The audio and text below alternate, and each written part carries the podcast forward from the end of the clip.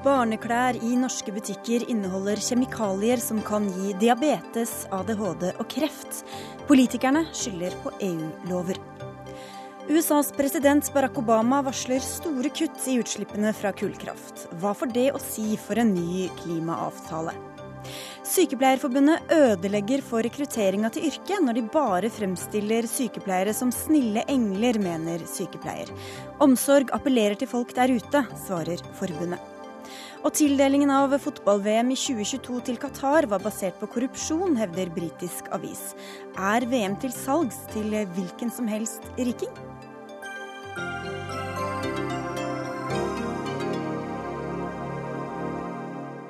Spør Dagsnytt 18 denne mandagen i NRK P2 og NRK2. Jeg heter Sigrid Solund.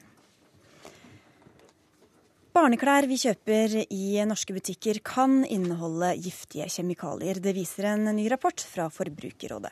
Randi Flesland, der er du direktør, og dere har altså undersøkt klær i forskjellige butikker. Hva var det dere fant? Nei, vi fant jo dessverre at én eh, av tre plagg hadde stoff, kjemikalier i seg som er hormonforstyrrende og gir andre skader for eh, barn. Og vi er jo svært bekymret for at stadig flere hverdagsprodukter får denne type kjemikalier. Eh, som kan virke på barn både i forhold til nedsatt forplantningsevne, eh, kreftfremkallende ja, og andre sykdommer. Så vi er svært opptatt av at både produsenter og myndigheter tar et ansvar i forhold til dette. Og helst selvfølgelig forbyr alle disse stoffene, eh, men i hvert fall få et vesentlig strengere regelverk. Hva tror du den gjengse forbruker veit når de skal ut og kjøpe klær, og hvilken muligheter har man til å, til å få vite mer? Det er dessverre umulig for oss som forbrukere å klare å se på et plagg om de inneholder disse stoffene eller ikke. Eh, så det er jo litt av saken at det er vi som forbrukere som da blir skadelidende.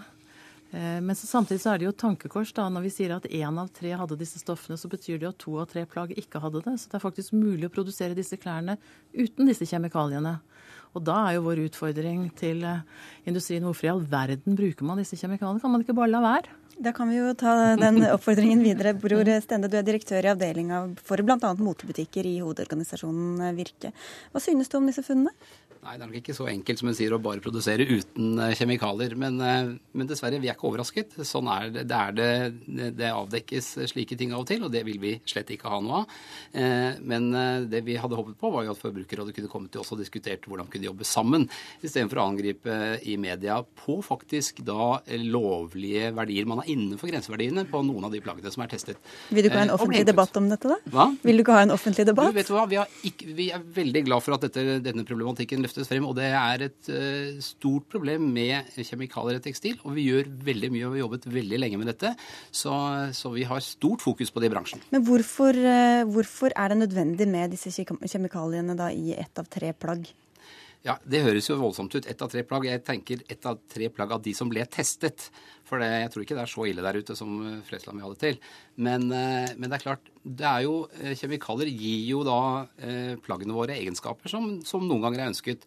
Og så er det slik at man avdekker at disse kjemikaliene har både helse- og miljøegenskaper som ikke er bra, og da blir de faset ut. Og satt på forbudtlister og, og, og faset langsomt ut. Men så er det klart at det er noen eh, produkter som, eller noen eh, kjemikalier som er vanskelig å bli kvitt, eh, og som må bruke litt lengre tid på å få faset ut, rett og slett fordi det kan være en forurensning i produksjonen som fører til at man får en, en, en verdi på et, et, et kjemikalie man ikke ønsker. Hvis vi snakker om grenseverdier, og det er helt riktig at det er ingen av de som vi har funnet nå som på en måte er forbudt, altså har mer enn det som er lov. Men her har vi to elementer. Det ene er at forskerne nå sier at det, det fins kanskje ikke noen nedre grense for en del av disse stoffene. Når du får det så tidlig, f.eks. på fosterstadiet, kan det godt gi senskader. Så det er jo den ene biten. Og det andre er at vi utsettes for så mye. Altså barn i dag de får mye mer leker enn før. De får mer klær, de får mer sko. Altså masse utstyr. Så du får en sånn Solkrem, ja, du kan bare fortsette å nevne det. Så du får en sånn eh, cocktaileffekt. At disse virker sammen. Og det har man ikke forsket nok til. At man faktisk vet effekten av. Det kan godt hende én pluss én blir syv, og ikke to. ikke mm. Så, så, her er det veldig veldig gode grunner til å være mye raskere. Som du sa, langsomt fases ut. Det er helt riktig. EU, EU jobber utrolig langsomt. Hva, hva gjør bransjen sjøl da for å kvitte seg med disse stoffene? Vi har jo jobbet i veldig mange år med dette problematikken. Vi har hatt et uh, panel som har uh, sittet sammen i tiår og, og diskutert og delt erfaring både med offentlige og private innkjøpere. Virke har laget et eget kjemikalieverktøy som ligger gratis på våre nettsider, som er strengere faktisk enn lovgivningen. De har lavere, altså strengere krav til til stoffene enn lovgivningen. hva, betyr det at dere ikke selger klær som nei, ligger Nei, nei, altså bruker man dette verktøyet, så, så, anbefaler vi da at du skal ha lavere grenser enn det lovgivningen gir. Dvs. Si at disse stoffene som ble funnet nå, det er eh, på forbudtlisten. Men allikevel så er det så vanskelig å bli kvitt dem at man har en minimumsgrense. Men tester butikkene selv eh, kjemikalier i klærne de kjøper inn, da? Ja, det gjør de. Det kjøres jevnlig tester. Og, og bare for å vise hvor vanskelig dette er sånn, eh, virkelig er, så kan vi jo si at et av de plaggene som ble testet nå av Forbrukerrådet, og som fikk et dårlig utslag, er Økotex-sertifisert. Så da kan du tenke deg, da er man ikke like varsom med å teste selv, for da tror man jo på en mm. måte at dette er et eh, Når man kjøper Økotex, så har man uh, sikret seg. Men så viser det seg selv ikke da har man sikret seg. Klima- og miljøminister Tine Sundtoft, hvordan reagerer du på disse funnene, da? Nei, Selv om ikke det er ulovlig det som er funnet i dag, så viser jo disse funnene at både bransjen og myndighetene må gjøre mer. og jeg tenker Det er veldig bra med offentlig debatt om dette, også for å få økt forbrukerbevissthet på at eh, det finnes også plagg som eh, ikke har disse stoffene. Ikke minst på leketøy. En kommer ganske langt i å merke de som inneholder giftstoffer. Vi har ikke kommet fullt så langt i å merke tekstiler. Så her jobber vi aktivt opp mot EU. Hva betyr det?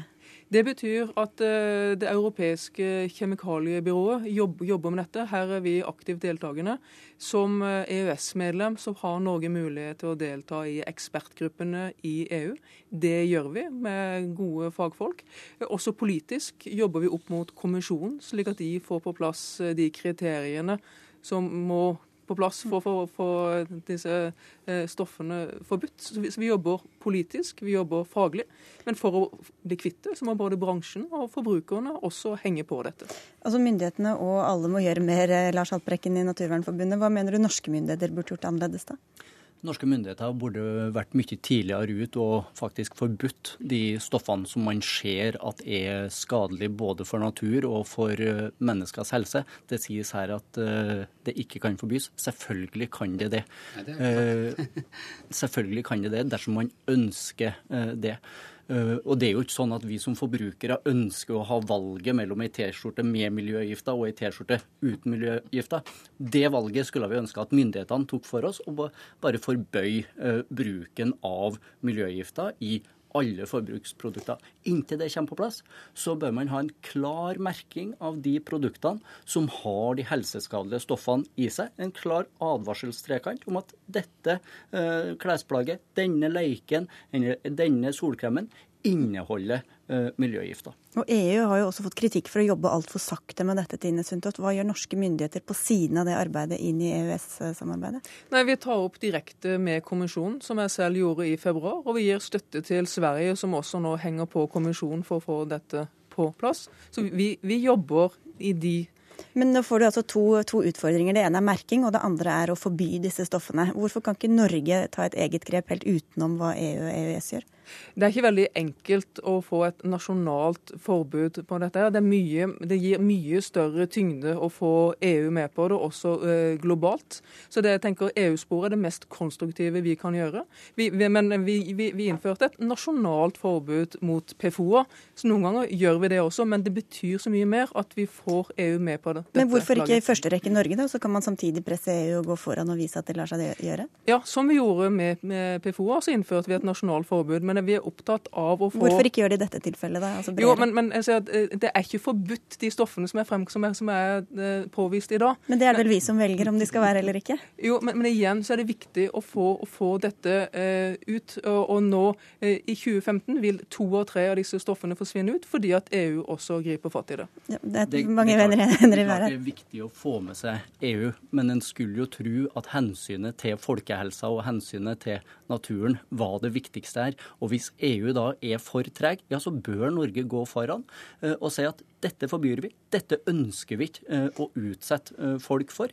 og inntil vi får på plass et forbud, så skal det være en klar varseltrekant. Det man gjør i dag, er at man har en liste hos Miljødirektoratet med stoffer som du som forbruker skal være oppmerksom på. Men det er jo ingen av oss, heller ikke jeg, som går rundt med den lista i baklomma når jeg er i en eller annen butikk, og så sjekker sjekke da innholdsdeklarasjonen eh, til de ulike produktene som jeg måtte kjøpe. Det er jo helt umulig. Jeg regner med at du er enig, herr Flesland? Ja, der er jeg helt, helt enig. Men kan vi si, jeg, i tillegg, da. EU har jo noen stoffer som er forbudt på det som produseres i EU, som Norge også da er en del av i denne sammenhengen. Eh, men samtidig så aksepterer de for import. Det er jo helt ulogisk. Så det ene er jo at nå må man på en måte gi totalforbud. Det vil jo også presse de produsentene utenfor EU til å gjøre noe bedre. Og I tillegg så er vi opptatt av også i Norge at vi skal få en plan for en giftfri hverdag, sånn som svenskene og danskene har. Og Da har man mye mer satsing på tilsyn, sånn at der det faktisk er for mye eller er feil, mm. så får man tatt dem. Og Det gjelder jo ikke bare klær, dette gjelder, som flere har vært innom, eh, sko og leker. og ja, full mm. pakke. Mm. Men tilbake til det som jeg spurte som Haltbrekken var inne på da, Sundtoft. Hvorfor kan ikke Norge først gå foran med et nasjonalt forbud, og samtidig presse EU i den samme retninga? Vi jobber med miljøgiftstrategien for å få den på plass. Jeg har også i den senere tid tatt initiativ til at Miljødirektoratet, som sitter med god kompetanse på dette, har et nærere samarbeid med Virke, så igjen får den informasjonen ut til sine medlemmer for å gjøre dette. Så Vi må ha et tett samarbeid med bransjen, samtidig som vi jobber politisk. Men hva er argumentene mot et forbud, da? Nei, men? Det å liksom, uh, forby noe som heller ikke er forbudt, det, det, det, det, er mye bedre at, at, vi jobber med vår miljøgiftstrategi og får dette her ut innen 2020. Jobber med EU og tett samarbeid med bransjen, slik at de også griper fatt i dette og får de produktene. Få høre med deg, da, Stende, Hvor realistisk mener du det er med et forbud? Ja, vet du hva? Vi, vi, eh, bare for å si det, altså Store aktører i bransjen jobber mot eh, eh total giftfri kjemikaliebruk innen 2020. For, det eller? Et, hva? Ja, for, for. Jeg jobber for det, for det. De skal være kjemikaliefri, eller i hvert fall altså Kjemikalier blir man ikke, men det skal ikke være noen miljøgifter i de kjemikaliene som brukes i tekstiler innen 2020. Det er et veldig hårete mål, og det er de største som går foran. Og da vet vi det at eh, konkurransen gjør at de andre må følge etter. Så hvis vi klarer å oppnå disse tingene, så har vi en lys framtid foran oss. Hvordan ser du for deg et forbud, da, som to av aktørene her taler for? Ja, men Kommer det et forbud, så må man innrette seg etter det. Så så enkelt er det. Men så lenge man da har disse altså vi, vi, er, vi kan ikke isolere oss fra vi er i en global verden. Vi trenger hjelp fra alle.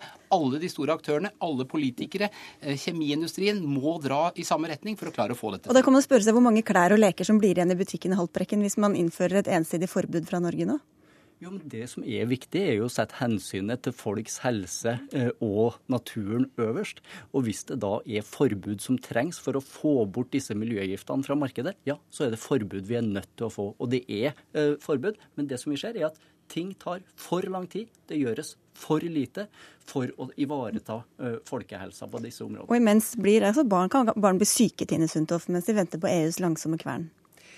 De stoffene som er oppdaga i dag, de bryter ikke regler. Vi har nasjonalt eh, forbudt PFO-er. Så vi, vi, vi, vi, er virkelig på hugget på dette. effekten som man ja, ikke kjenner til. Men, men, det er derfor vi er virkelig på hugget på dette. Gjør mye med leketøy, gjør mye med klær, og jobber aktivt opp mot EU for å få dette på plass. Men her er det helt klart at her er det interessekonflikt mellom den kommersielle verden og vi som er opptatt av forbrukernes eh, trygghet. Så Derfor jobbes det altfor langsomt i EU, fordi at eh, lobbyvirksomheten fra bransjen er så sterk. Så her må man heve seg over det. Og så må man stramme opp regelverket, og så må man vesentlig raskere gå gjennom disse stoffene. Nå har vi en liste i EU med, hvor alle er enige om at disse stoffene er skadelige. som man da langsomt går og ser igjennom, som det ble sagt her, 22 stoffer på syv år. Det er ikke så veldig imponerende. Og da er det spørsmål hvorfor kan man ikke bare forby det i utgangspunktet? Og så etter hvert man har testet, hvis man finner at det er totalt ufarlig, ja, men så fører de jo inn igjen. Men det er noe med barns helse først, og så den kommersielle, kommersielle virksomheten etterpå. Det er jo riktig som miljøministeren sier, at de stoffene som er funnet i eh, T-skjortene og de andre klærne i dag, ikke er forbudt. Men det er jo nettopp derfor vi ønsker å få dem forbudt, for at vi vet at de har eh, en dårlig innvirkning på folkehelsa og på, eh, på naturen. Ja, hva er det de gjør med naturen? Nå har vi hørt litt om folkehelsa. Ja, Vi ser det bl.a. i polarmåse, vi ser det i isbjørn, som får nedsatt forplantningsevne.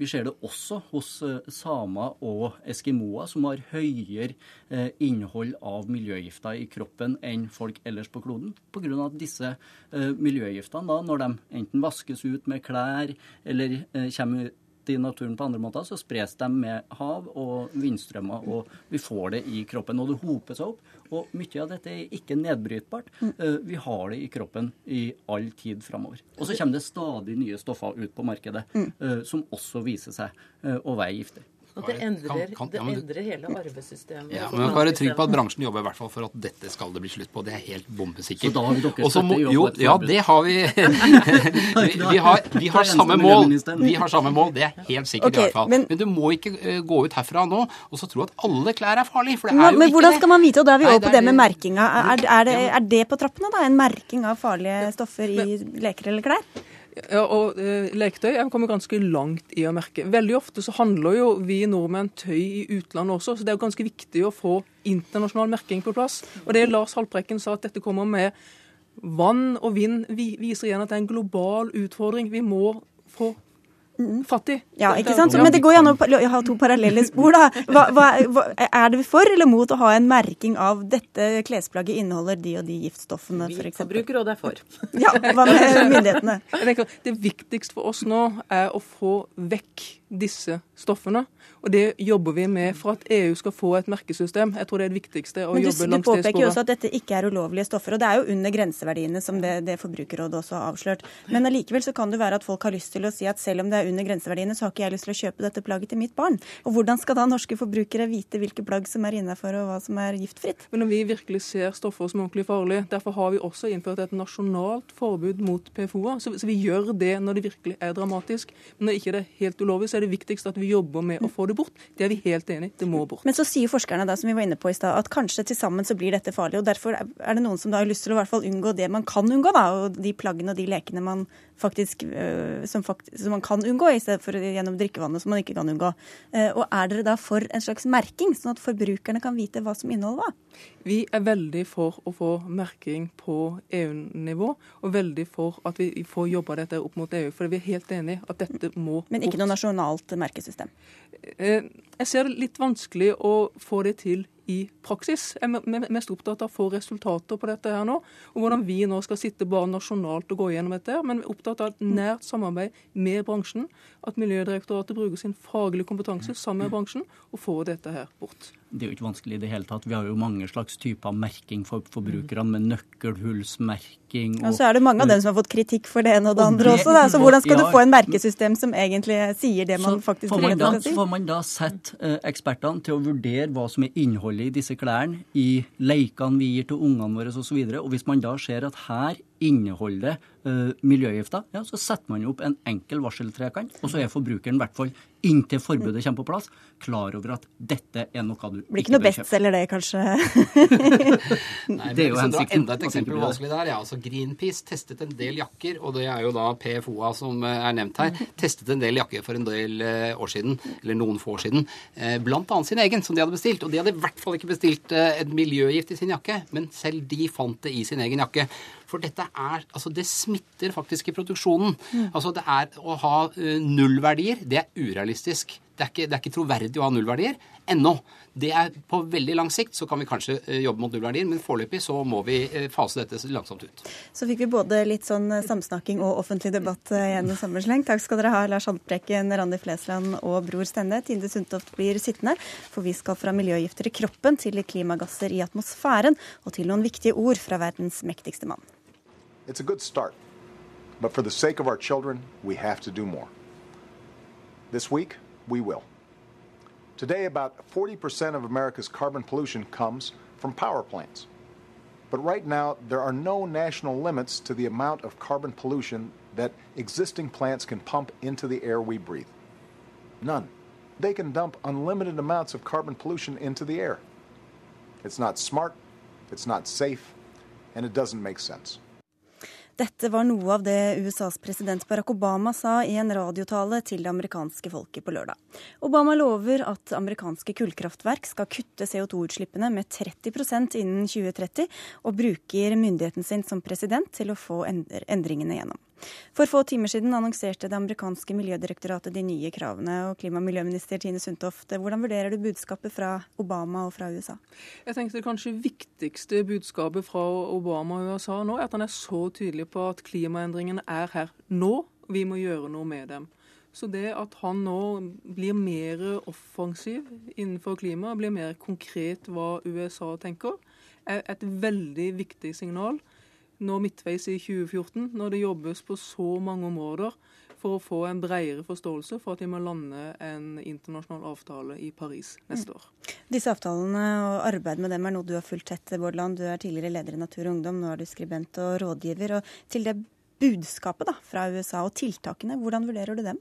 Jo, Det er klart at det er viktig at uh, det kommer konkrete uh, tiltak. Uh, dette her er jo noe som kan gå langt, et langt stykke på vei i å innfri det løftet som USA kom med i forbindelse med København-toppmøtet i 2009 om å kutte sine klimagassutslipp en del fram mot 2020.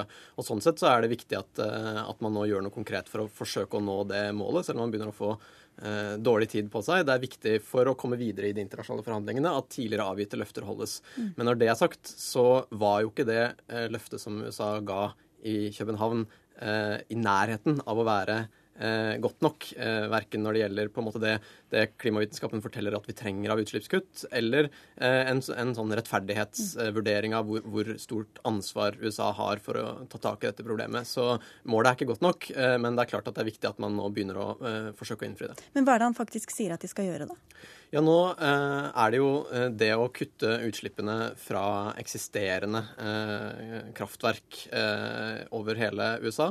Eh, de står for over en tredjedel av eh, de amerikanske klimagassutslippene i dag, så det er helt avgjørende å få gjort noe med de utslippene.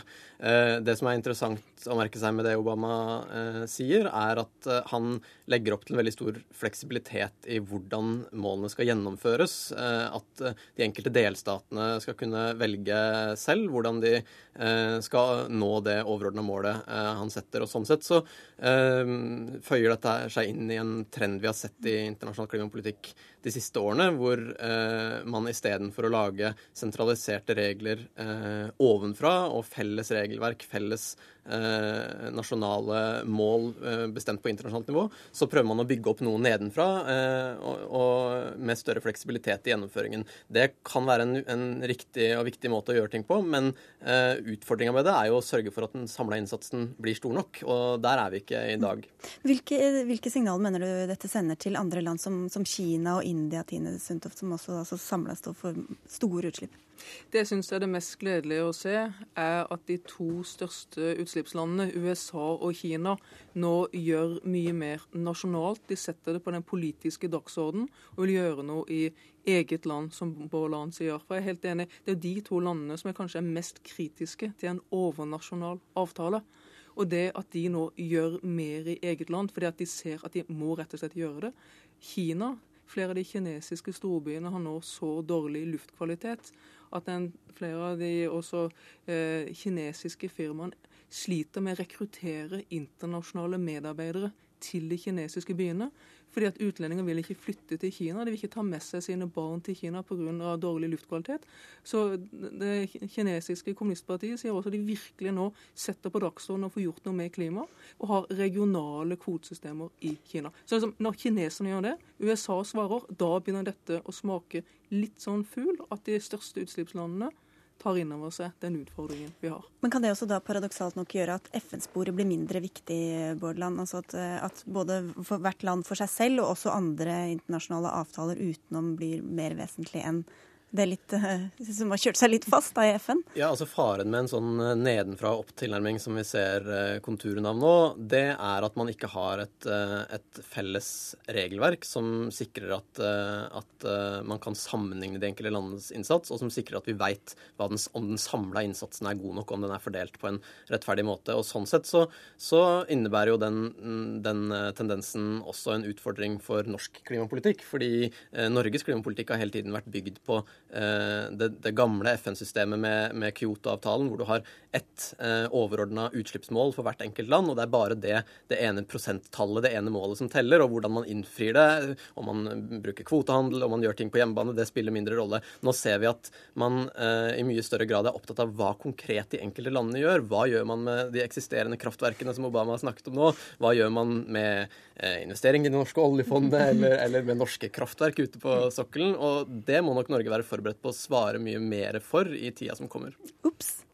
Det er ikke noe obs. for det, det, det, det, er jo det jeg nå ser, at parallelt som en forhandler internasjonalt, så, så, gjør flere av landene mer nasjonalt. Vi har jo også fått snudd debatten mer i Norge til at vi også skal ha nasjonale kutt. For vi, vi skal rett og slett en hel verden omstille oss til et lavutslippssamfunn. Og da er det ikke sånn enten-eller-strategi. Det er et både-og. og Derfor er det gledelig at USA nå er offensive. Kina er offensive. Norge gjør sitt alle landene Er ikke vi offensive? jo, vi er offensive. Og vi, og vi blir sett på internasjonalt blir vi sett på som offensive. Og at vi også bidrar internasjonalt. Og det en fikk ut av avtalen i Warszawa, er at alle landene skal nå gå hjem og se på hvordan en skal redusere sine egne utslipp. Men hva tror du de litt nye taktene fra USA får å si for deres rolle under de internasjonale klimaforhandlingene i FN-regi, da? Jeg håper jo virkelig at det betyr at de er offensive under FNs eh, toppmøte som generalsekretær Ban Ki-moon har innkalt til i september, hvor, hvor, det nå kan få en viss konkurranse mellom landene og legge offensive utslippskutt på bordet. Og Det er det en har snakka om lenge, at en trenger et politisk lederskap til å få fart på de internasjonale forhandlingene. Tror du det, Bård Land, med den historien USA har vist så langt? Altså, Det er lov å håpe, og vi må være optimist. Men, men, eh, jeg tror det som er veldig farlig i disse forhandlingene, er å ha for mye tiltro til enkeltland eller enkelttiltak. Eh, vi veit at det ikke finnes noe enkelttiltak, eller for så vidt eh, for den saks skyld en enkelt internasjonal avtale, som kommer til å løse dette problemet. En, en farlig ting som, som, mange europeiske land gjorde i for stor grad i forbindelse med København-toppmøtet i 2009, var at man, man hadde altfor stor tiltro til at USA skulle legge om sin klimapolitikk, at de skulle levere, og, og man på en måte eh, ga dem hele nøkkelen til å få til en avtale. Og når de ikke fikk det til, så, så gikk det dårlig. Jeg tror at vi eh, kan ikke gjøre oss så avhengig av enkeltland eller av en internasjonal avtale. Vi trenger å la oss inspirere av det som, som skjer som er positivt, men fortsette å trøkke på for å få til mer eh, der det kan kuttes utslipp, enten det er i Norge eller andre steder. Men Obama skal altså lede et land med mange klimafornektere blant sin egen befolkning, med motvillige motstandere politisk og med mektige næringsinteresser med mye penger i ryggen. Mm. Hva er sjansen hans for å få gjennom denne politikken? Ja, og Sånn sett så kan du si at uh, noe av det viktigste med at dette kommer nå, er at uh, det viser at Obama virkelig setter dette her uh, på dagsordenen og en del, legger en del politisk prestisje inn på å få til noe, og det kan være viktig i seg sjøl. Men det er klart det er mange eh, utfordringer. Uh, dette vil bli utfordra både i rettssystemet og, og politisk eh, framover. Men forhåpentligvis så vil det kunne mobilisere til større klimaengasjement og klima Eh, debatt i eh, USA. Eh, dette blir jo løfta fram som en, et viktig bidrag, eller noe som kan stå igjen etter Obama, hvis han, hvis han lykkes, sammen kanskje med avgjørelsen om den såkalte Keystone-rørledningen, en, en oljerørledning som, som, skal bygges gjennom USA, som har skapt veldig stor kontrovers. Og Det er disse spørsmålene Obama må levere på hvis han skal bli huska for å ha gjort noe positivt på klimafeltet. Og Neste år er det altså klimatoppmøte i Paris. Hvilke forventninger har du til det, Tine Sundtoft? Jeg har forventninger om at de møteplassene konferansene vi nå har i inneværende år. Jeg nevnte FNs toppmøte i september, hvor verdens politiske ledere skal samles. og det, De signalene som nå kommer fra USA, at det da besvares fra andre land og viser offensive takter. Det mest interessante er det han også sier, den langsiktigheten, at USA må bli en økonomi drevet på ren energi. På samme måte som vi snakker om lavutslippssamfunnet her i Norge. Så internasjonal avtale er viktig å få på plass. Sette en pris på karbon, men også hva hver, hvert enkelt land gjør for å endre det innenfor egne lands grenser for å slippe ut mindre klimagasser. Slik at vi da har muligheten til at de som kommer etter oss, også kan få tilgang på rent vann og ren luft. Det er det det nå begynner å bli økt forståelse for, at det er det vi snakker om. Og Da kan vi ikke sitte hver for oss og si at ikke vi gjør noe. Derfor er Obamas signaler viktige. Takk skal dere ha, Tine Sundtoft og Bård Land.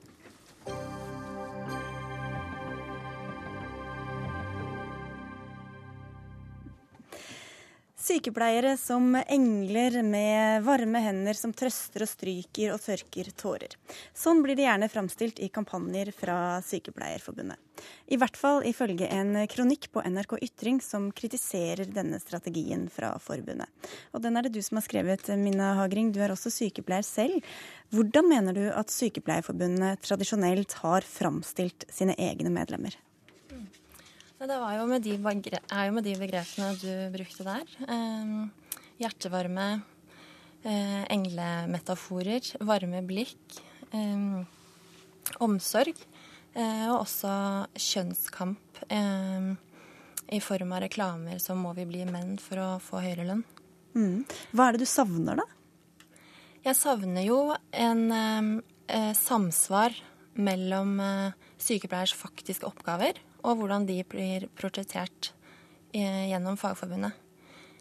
Jeg syns NSF feiler i å formidle kompetansen og kunnskapen vår. Mm. Mens, eh, og, hva, og, hva, tror du det gjør med rekrutteringa til sykepleieryrket? At dere skal være sånne engler i hvitt som trøster og stryker? Det gir jo et feil bilde av hva uh, yrket innebærer.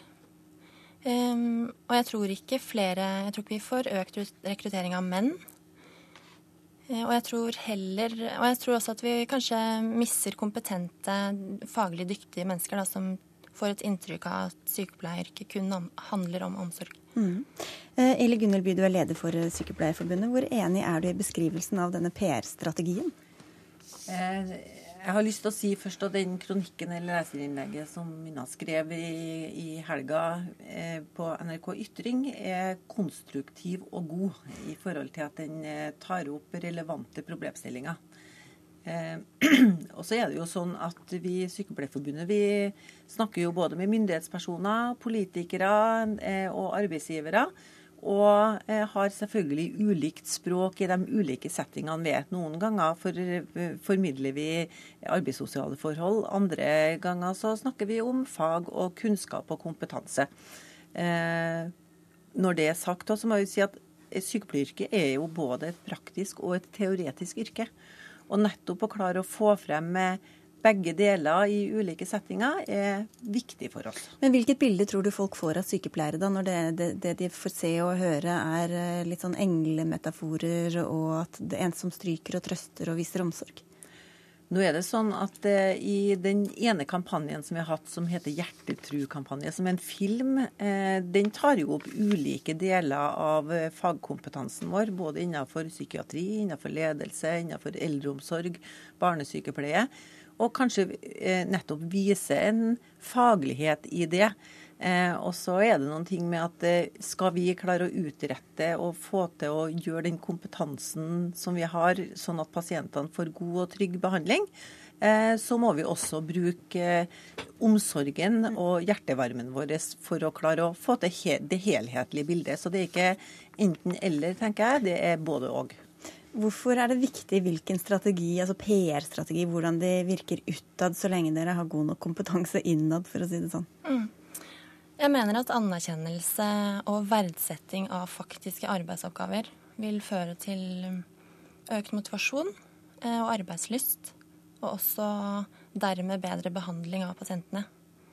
Er det en devaluering av arbeidet, føler du, at, at man liksom blir framstilt som bare en sånn god morsfigur, eller eh? Ja, absolutt. Jeg føler det undergraver vår kompetanse. Og jeg mener, jeg mener ikke at jeg er helt enig med deg i at uh, omsorg og kunnskap skal gå hånd i hånd. Men vi må profilere kunnskapen vår for å få høyere lønn um, og få anerkjennelse, og også for økt rekruttering.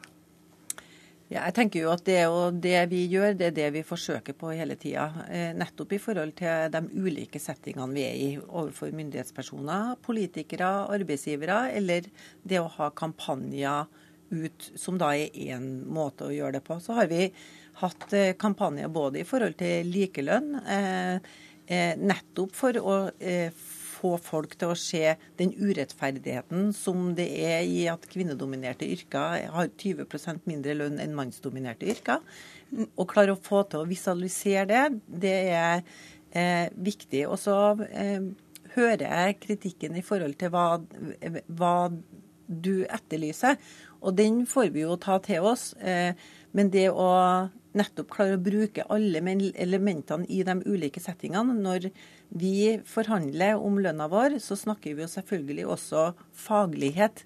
Eh, så vi bruker alt og begge deler og, og, og alle tingene hele tida. Og så eh, i en sånn kampanje som vi har hatt nå, som vi kaller Robonurse, så har det jo, det er jo 60 000 som har sett den filmen. Ja, For da viser dere altså hvor gode og omsorgsfulle sykepleierne er, kontra hvor eh, liksom, de stive robotene som ja, kan erstatte dem. Ja, altså, Men samtidig så er jo eh, tjenesteutvikling og, og, og, en type teknologiutvikling også viktig. Så, mm. så, så, jeg tenker at her er det eh, både hjertevarmen, eh, omsorgen, men ikke minst fagligheten og den kompetansen som vi faktisk har. Og så får vi bli bedre i forhold til hvordan vi formidler det. Hva syns du om den kampanjen, Hagring? Ja, hva skal jeg si. Eh, jeg fikk en flau eh, smak i munnen og følte jeg har satt stoltheten i vrangstrupen, rett og slett. Fordi vi er jo ikke uerstattelige fordi vi kan tørke tårer og gi klemmer, eh, som den kampanjen formidler. Vi er uerstattelige fordi vi har fagkunnskap og handlekraft og gjennomføringsevne. Og selvfølgelig har vi også omsorg. Men det er en selvfølge som skal ligge i bunnen.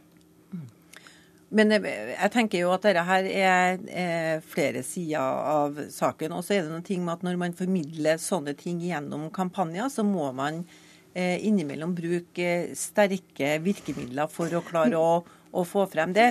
Sånn at eh, viktigheten av å både se den teoretiske og den praktiske hverdagen ut ifra et sykepleieryrke er vil vi fortsette også med. Men du sier at dere eh, bruker forskjellig språk eller andre argumenter, litt mm. avhengig av hvem dere snakker med, om dere mm. snakker med politikere eller arbeidsgiverforeninga. Mm. Så når dere skal henvende dere til folk der ute, da er det liksom følelser som gjelder?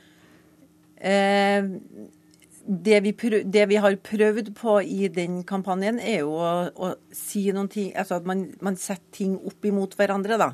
Eh, og virkemidlet blir eh, både at det er en tegneserie, altså at det, da kan man forsterke og bruke helt andre virkemidler enn det man, enn det man bruker ellers. Eh, og så er det jo smaken her som baken.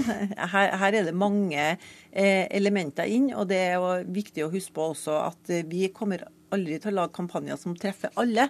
Eh, men vi ønsker å formidle noen ting gjennom det. Og så hører vi på den konstruktive kritikken, for det er konstruktivt, det som blir skrevet. Og det er viktig for oss at vi tar med oss i fortsettelsen. Men Tror du at det er eh, lettere å skaffe sympati der ute ved å spille på følelser, kontra det å si at se hvilke videregående kurs våre sykepleiere har gått på i år? Nei, jeg mener jo ikke det. Ehm, men jeg, jeg, vet ikke om det er sympati vi har lyst til å oppnå. Ehm, vi vil jo ha eh, anerkjennelse for de oppgavene vi faktisk utfører. Ehm, og vi vil ha lønn tilsvarende det ansvaret. Og så tenker jeg vi, det her er jo ett skritt frem og ett tilbake, nei, to skritt frem og ett tilbake hele tida. Eh, og nettopp i forhold til at vi da har vært ganske stram i hva det er vi har formidla, f.eks. For i forhold til eh, å få lønn under videreutdanning for sykepleiere, så har vi faktisk oppnådd noen ting i år i, gjennom forhandlinger.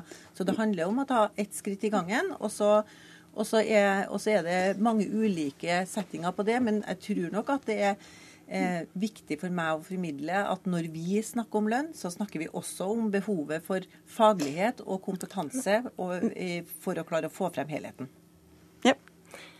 Men jeg syns det, det, er veldig forunderlig at eh, For jeg opplever at dere gjør en, en, en veldig god innsats ved forhandlingsbordet. Eh, og det med peng, lønn under utdanning var veldig bra i år. Og at det er et veldig økt fokus på forskning og fag innad i forbundet. Men da er det så forunderlig at utad så kommuniserer vi bare hjertevarme omsorg. Jeg forstår det ikke. Og Hvor attraktivt tror du det blir for menn å, å søke seg til sykepleieryrket hvis de samtidig må liksom kle, kle seg englevinger? Men vi har, vi, har nok, vi har, nok, ikke hatt noe englevinger de siste årene. Eh, det har vært eh, eh, og, og, den hjertetru-kampanjen eh, som vi da har hatt i forbindelse med lansering i landsmøtet i 2011, så har den fått veldig god respons i forhold til at den både viser den fagligheten Eh, i de ulike settingene, og at det gir en godfølelse til dem som faktisk ser det. Så det har vært rekrutterende, og, og, og søkninga på utdanningene har faktisk økt etter det.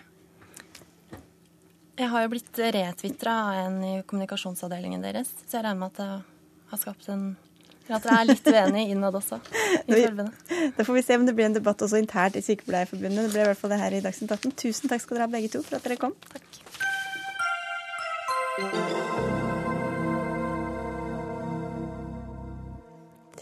I dag ble den nye palestinske samlingsregjeringa tatt i ed. Regjeringa er utpekt av Fatah-partiet til den palestinske presidenten Mahmoud Abbas og den eh, islamistiske Hamas-bevegelsen. Men formelt tilhører ingen av ministrene noe politisk parti. De beskrives alle som teknokrater. Midtøsten-korrespondent Sigurd Falkenberg Mikkelsen, president Abbas sier om den nye regjeringa at den betyr slutten på splittelsen i eh, Palestina. Hva er ideen bak en sånn ikke-politisk regjering? Nei, Først og fremst for Abbas del så hadde ikke han så mange alternativer igjen. Uh, Forhandlingene med Israel har brutt sammen. Han tror ikke lenger det er noen fredsvilje å spore hos eh, statsminister Benjamin Netanyahu på israelsk side.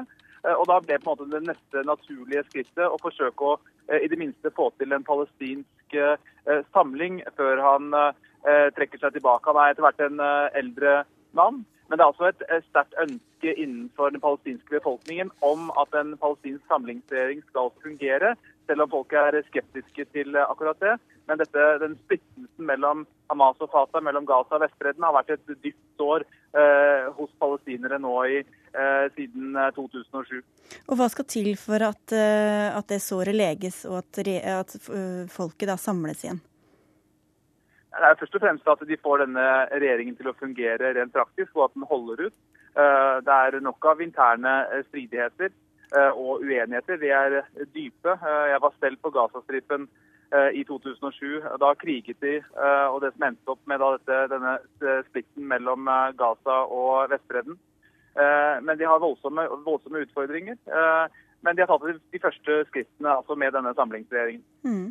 Eh, og den er altså utpekt av Fatah og Hamas. Er det noe som tyder på at det er eh, løst, noen av de problemene, eller er de bare dekket over og liksom utsatt? Altså, det er ikke noen hemmelighet at uh, dette skjer uh, pga. ytre omstendigheter. Uh, mer enn en intern drive, tror jeg. For Abbas er det da som sagt sammenbrudd i forhandlingene med Israel, men det er jo særlig Hamas som eh, er den, eh, framstår som den svakere part her. Eh, de er isolert pga. den israelske blokaden, selvfølgelig, men også etter at vi fikk et regimeskifte her i Egypt, så er grensen også dit blokkert. Også alle omveltene i den arabiske verden har også svekket Hamas betraktelig. Israels statsminister Benjamin Netanyahu har gått sterkt imot internasjonal anerkjennelse av den nye regjeringa. Hvorfor det? De vil jo ikke ha noe med dette å gjøre, fordi eh, de mener at Hamas er en terrororganisasjon. Eh, og at de eh, som skal ødelegge Israel. og Dette er kjente toner fra, fra den israelske regjeringen. Og Det Abbas har prøvd å gjøre for å omgå den problematikken, er jo da å utnevne en regjering uten direkte Hamas-medlemmer, og samtidig da som skal da respektere alle inngåtte avtaler, og også da Midtøsten-kvartettens freds prinsipper. Eh, og Så får vi se hvordan eh, det mottas på israelsk side. Men det vi hører så langt, er entydig negativt. og De har bl.a. sagt at de nå vil holde de palestinske selvstyremyndighetene ansvarlig for alle rakettene som skytes opp eh, fra Gaza. Takk skal du ha, Sigurd Falkenberg Mikkelsen. Øyvind Halleråker, du er nestleder i utenrikskomiteen for Høyre. Hvordan skal Norge forholde seg til den nye regjeringa? La meg først si at uh, vi har en uh, forsiktig, avventende, positiv holdning uh, til at de nå har greid å komme fram til en samlingsregjering. Men da må jeg også samtidig si at det betinger jo at denne regjeringen slutter opp om inngåtte avtaler, og at den også anerkjenner staten Israel. Og så er vi jo også opptatt av at denne teknokratinnretningen er reell. Eh, for en, en regjering med del, direkte politisk deltakelse fra Hamas, det kan vi ikke anerkjenne. Det gjorde dere i sin tid, Svein Roald Hansen. Du sitter i utenrikskomiteen for Arbeiderpartiet. Hvordan bør eh, norske myndigheter forholde seg til denne regjeringa, syns du? Nei, vår, eh, den forrige regjeringen anerkjente aldri Hamas. Det er en misforståelse. Men jeg mener at Norge bør, og verden bør anerkjenne denne regjeringen. Den hviler på det som Halleraker sier, og som vi hørte fra, fra Midtøsten. Den anerkjenner kvartettens prinsipper, nemlig anerkjennelse av staten Israel, nei til vold og overholdelse av inngåtte avtaler. Hvis palestinerne nå opplever at verden vender dem ryggen fordi de nå har fått forsoning, Eh, før man får sett hvordan dette utvikler seg, så vil det være et håndslag til ekstremistene eh, i, i, i, det palestinske landskapet. Og det er det ingen som har tjent med, aller minst Israel. Mm. Skal få inn en tredjeperson her også. Bård Vegar Solhjell, du er utenrikskomiteen for SV. Hvordan mener du Norge bør oppføre seg eh, mot den nye palestinske regjeringa? Altså, Norge bør raskt anerkjenne den nye regjeringa og innlede et samarbeid med den. Det bør vi gjøre fordi eh, det er et ganske viktig skritt. Eh, en av de største hindringene for fred i Midtøsten de siste årene har vært den splittelsen vi har sett på palestinsk side. Vi vet ikke om dette er det endelige svaret, men vi kan bidra til at det blir et positivt svar hvis vi og andre land viser tillit til den nye regjeringa. Og så må vi òg gjøre det fordi det er forstemmende å se Israels reaksjon. Når vi vet at en fred er avhengig av et er eh, mer enhetlig Palestina, Eh, så ser vi likevel at Israel bruker det som anledning til å trekke seg ut og stoppe fredsprosessen. Det kan jo gi et hint om at Israel egentlig ikke er så interessert i en fredsavtale med Palestina. Men hva, hva, altså Denne avventende holdningen, eh, hva kommer den til å resultere i, Halleraker? Vil dere anerkjenne regjeringa eller ikke? Ja, nå har vi, har vi signalisert at, eh, at, vi anerkjenner regjeringen på de betingelsene som, som, jeg har nevnt, og som jeg forstår at det er relativt stor enighet om da i, eh, i Stortinget også. Eh, og eh, når vi ser at dette vil komme på plass, så, så må vi ta den vurderingen etter hvert. Men, Hva mener du med det? Hva skal til? Ja, Det er de tingene som jeg nevnte. At man altså må vise at man slutter opp om inngåtte avtaler. Og Det må jo den nye samlingsregjeringen da gjøre. De må også forholde seg til ikke-voldsavtalen. Og de må også eh, helt klart og tydelig anerkjenne Israel som selvstendig stat. Og da, da er vi eh, kommet et langt stykke videre. Men jeg må jo, må jo få si at uten at jeg skal snakke Israels sak, så, eh, så i forhold til det Solhjell sier, så, så er det nå engang slik at Hamas har vært en, et stort problem i å komme fram til nettopp den avtalen som vi nå har fått. Og det er nok den skepsisen eh, Israel nå uttrykker. Men, eh, men, det skal jeg la ligge i denne omgang. Jeg får høre Hansens eh, versjon her. Ja, altså Regjeringen kan ikke sitte og nøle for lenge. Den må anerkjenne denne regjeringen raskt, fordi vi leder kvartetten. Og det er et nytt giverlandsmøte like rundt hjørnet. Og det signalet Norge gir ved å sitte og nøle, er ikke bra. Så dette må, må skje kjapt. Og, og, Abbas vet veldig godt hvilke krav som stilles til hans regjering, nemlig å godta de, de prinsippene som vi, som vi, er enige om. Det, så vidt jeg forstår på BBC, så har Abbas gjort det klart at denne nye regjeringen vil gjøre. Hvor lenge skal dere vente? Vi har spurt UD, eh, Utenriksdepartementet også, bare for å ha sagt det. men for, Du skal få snakke, Solhjell, men bare for å ha sagt det, Hallaraker. Hvor lenge vil dere vente før dere ser om alt er oppfylt eller ikke? Ja, Det er ikke min sak å avgjøre. Det er det nettopp eh, Utenriksdepartementet og dets ledelse som, som avgjør. Solhjell? Ja, det er En viktig ting som ikke har kommet så mye fram ennå, det er at det òg er blitt en enighet nå om en prosess mot uh, nye valg i Palestina. Og det kan Ja, der forsvant han. Det, jeg, jeg, kan fortsette der Solhjell eh, slapp, nemlig at den, denne regjeringens viktigste oppgave er å forberede presidentvalg og valg på, eh, på, parlament i Palestina. Og er det noe det er eh, for lite av i Midtøsten, så er det jo demokratiske prosesser. Så det er nok en grunn til å støtte opp om denne regjeringsdannelsen og hjelpe dem fram til et vellykket resultat. Hva hvis Hamas får en, stadig, får en mer framtredende rolle etter hvert, da? Ja, vi får ta de tingene etter hvert. Jeg tror, Husk på at PLO også var der at de skulle utrydde uh, Israel. Jeg tror dette er den broa som Hamas trenger for å komme bort fra den holdningen, og at vi kan få en enhetlig enhet på palestinsk side som ønsker fredsavtale med Israel, som respekterer Israels uh, eksistens mm. innenfor trygge grenser. Vi må avslutte straks, men Solhjell, du skal få lov å avslutte setningen din. Nei, jeg, skal, jeg, hørte at det òg kom fram det med valgprosessen, som er veldig viktig. La meg si at jeg, Så vidt jeg forstår av internasjonale medier, så har Abbas allerede varsla at uh, den nye regjeringa vil innfri de kravene som blir stilt. Derimot er det jo et problem at Israel nå ikke synes å innfri kravene f.eks. om å opprettholde tidligere avtaler. De fortsetter den ulovlige bygginga av bosettinger på palestinsk territorium. Så nå tror jeg tida er inne for å stille krav til Israel, ikke bare til den palestinske ledelsen. Så får vi se når Børge Brende kommer på banen. Takk skal dere ha i hvert fall eh, i denne omgang eh, for at dere var med i Dagsnytt 18. Hør Dagsnytt 18 når du vil. Radio NRK Radio.nrk.no.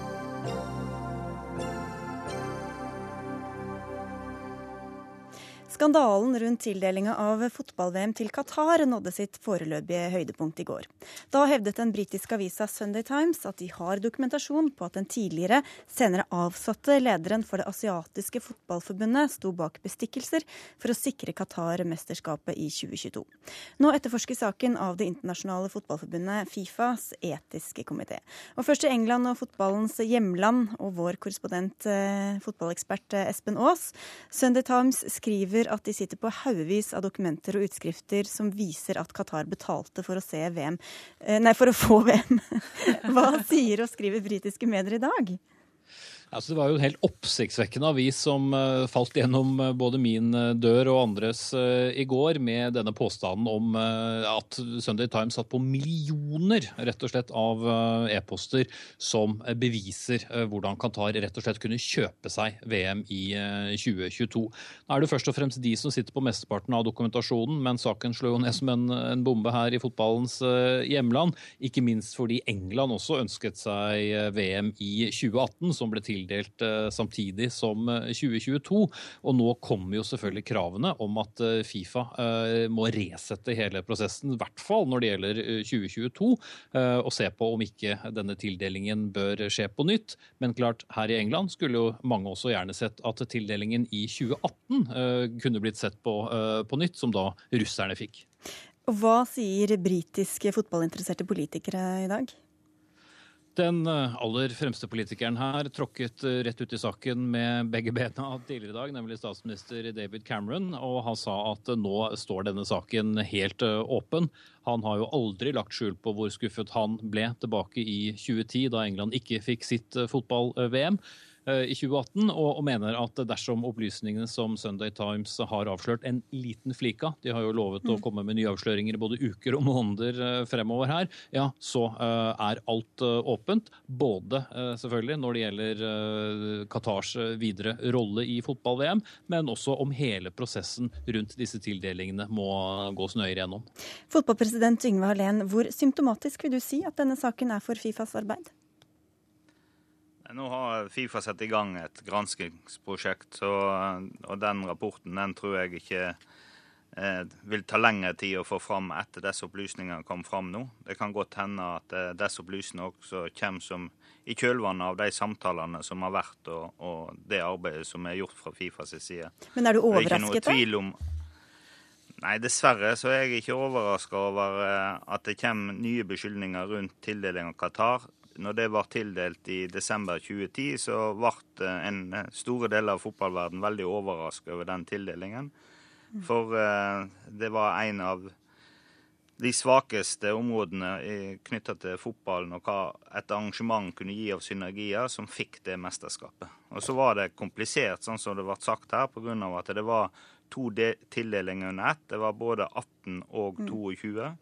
Og når det var bare europeiske nasjoner igjen som søkte om 2018, så, så kunne ikke 2022 legges til Europa. Lise Klaveness, du er ekspertkommentator her i NRK. Hvordan vil du beskrive denne saken etter hvert som den utvikler seg? Nei, det er jo som Helen sier, at det har vært vanskelig altså Man har jo hele tiden tenkt at her må det være noe ugler i mosen, som det heter på godt norsk. Fordi Qatar de har aldri vært i VM. Det blir 50 grader der om sommeren. Det virker helt usannsynlig at de skulle få VM. Og fordi det var så usannsynlig, så tenker man at da har det i hvert fall vært en ryddig prosess. Kanskje man vil legge det til Midtøsten. Altså det er noe, noe vi ikke vet der. Og når man da får vite i ettertid, eller øh, hvis det er riktig det som kommer fram, da, at det faktisk er, har bygget på, på ulovlige eller uriktige midler, så, så blir man jo på en måte ikke overrasket, men utrolig skuffet og litt skremt òg. For det, det, var så usannsynlig at Qatar skulle få VM. at Vi hadde all oppfordring til å gjøre noe med det enda tidligere. For nå vil folk gjerne si at de kom så langt med forberedelsene. Det har kostet så mye for landet, og det er folk som jo ikke var medskyldige i bestikkelsene.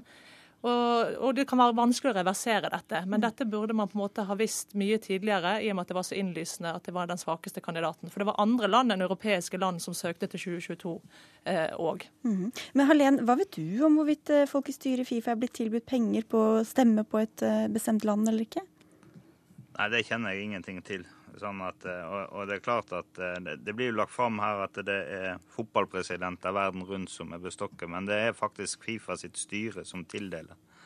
Og I den første avstemmingsrunden så fikk eh, Qatar 11 stemmer, så det måtte gå fire runder før en endelig tildelte 22 mesterskapet. Så, så, det er jo en del opplysninger som kommer fram som jeg stiller meg litt spørrende til òg. Men men det er et sånt trykk rundt dette her, og det er et sånt enormt omdømmetap rundt internasjonal idrett, internasjonal fotball.